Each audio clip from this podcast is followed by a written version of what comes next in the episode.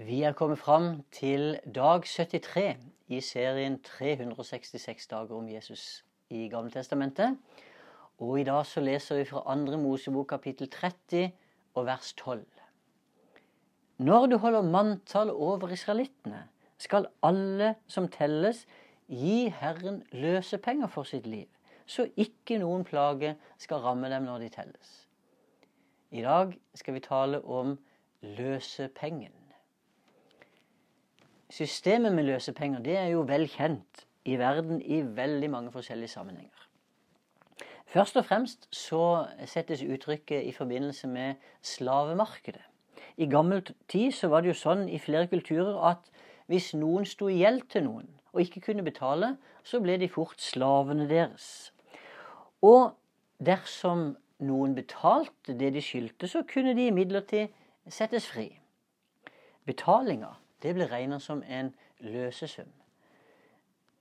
I filmen 'Schindlers liste' så får vi innsyn i hvordan fabrikkeieren Otto Schindler han berga livet til et stort antall jøder i slutten av andre verdenskrig ved å gi dem jobb på den emaljefabrikken som han eide. Da krigen nærma seg slutten, og Den eh, røde armé rykka stadig nærmere, så planla nazistene å drepe alle jødene som fortsatt var i konsentrasjonsleirer. I den forbindelse så fikk Schindler hjelp til å lage ei liste med navn på utsatte jøder. Og på den måten så klarte han å flytte 1200 jøder som var i fangenskap, over til å bli arbeidere i denne emaljefabrikken som han eide. Og det skjedde ved at han kjøpte dem ut. Han betalte en løsesum for hver enkelt. Og pengene han betalte med, den berga jo disse menneskene fra den sikre død. Tanken med løsepenger det har en veldig sentral plass i Bibelens budskap. Et av bildene som Jesus brukte for å beskrive sin gjerning på korset, det er forbundet med løsepenger. Sånn sa Jesus i Matteus 20 at menneskesønnen er ikke kommet for å la seg tjene, men for selv å tjene og gi sitt liv som en løsepenge for mange. Løsesummen Jesus betalte, det er jo av et helt annet kaliber enn den summen som Schindler makta å betale. Schindler han hadde råd til å løskjøpe 1200 mennesker. Det var et stort antall, men likevel lite i forhold til alle de millionene som døde i konsentrasjonsleirene. Jesus han betalte med en løsesum som er stor nok til å sette alle verdens mennesker fri. Løsepenger det er alltid noe som mottas ufortjent. Fordi, fordi det er jo en annen som betaler min gjeld. Og Bibelens historie om løsepenger den er veldig spesiell. For her handler det ikke bare om at en annen betaler det jeg skylder, men det dreier seg altså om at han som jeg skylder til, betaler min gjeld. Alle mennesker har brutt Guds bud og står i en evig gjeld til han. Vi fortjener alle straffen og døden som følger med synden. Men evangeliet, de gode nyhetene, det handler jo altså om om at Gud ga sin egen sønn for min skyld. Gjennom evangeliet, eller gjennom den handlinga, så ble hele menneskeslektens eh, skyld betalt. Vi som var skyldige, ble fri. Guds sønn som var uskyldig, ble dømt skyldig. Løsesummen var Jesu eget liv. Og vi hadde jo ingenting å betale med. Vi har bare mottatt tilgivelsen og frelsen fullstendig ufortjent. For det var sånn at Gud bestemte at det skulle være. Når Paulus skriver i Romene 3, så samler han opp dette og sier men ufortjent.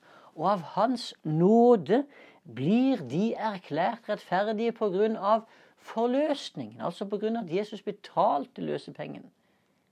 Det gjør oss fri. Guds kjærlighet er så stor at han hadde ikke noe annet valg enn å løskjøpe barna som var fanga i synden. Skulle han løskjøpe oss, så hadde han heller ikke noe annet valg enn å gi sin sønn som en løsepenge. For du ser, det er helt umulig for et menneske å betale til Gud det vi som menneskeslekt skylder ham. Det står i Salme 49.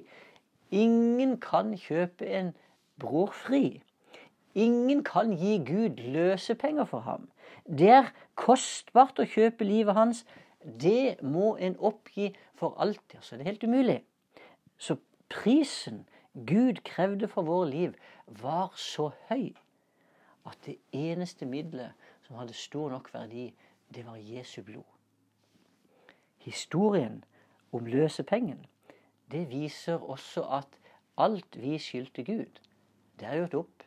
Det er betalt. Jesus betalte gjelda for alle verdens mennesker gjennom hele historien. Det betyr at det er mulig i dag for alle mennesker å bli fri. Men det er ingen automatikk i dette. For, det, for de som blir frikjøpt, det er jo bare de som står på Guds liste. Og når vi inviterer Jesus inn i livene våre som vår Herre og Frelser, ja, så blir jo navnet skrevet på hans liste i livets bok. Alle som har fått navnene skrevet i den boka, de er garantert et liv i frihet. For der sies det tydelig at alt er betalt av Jesus.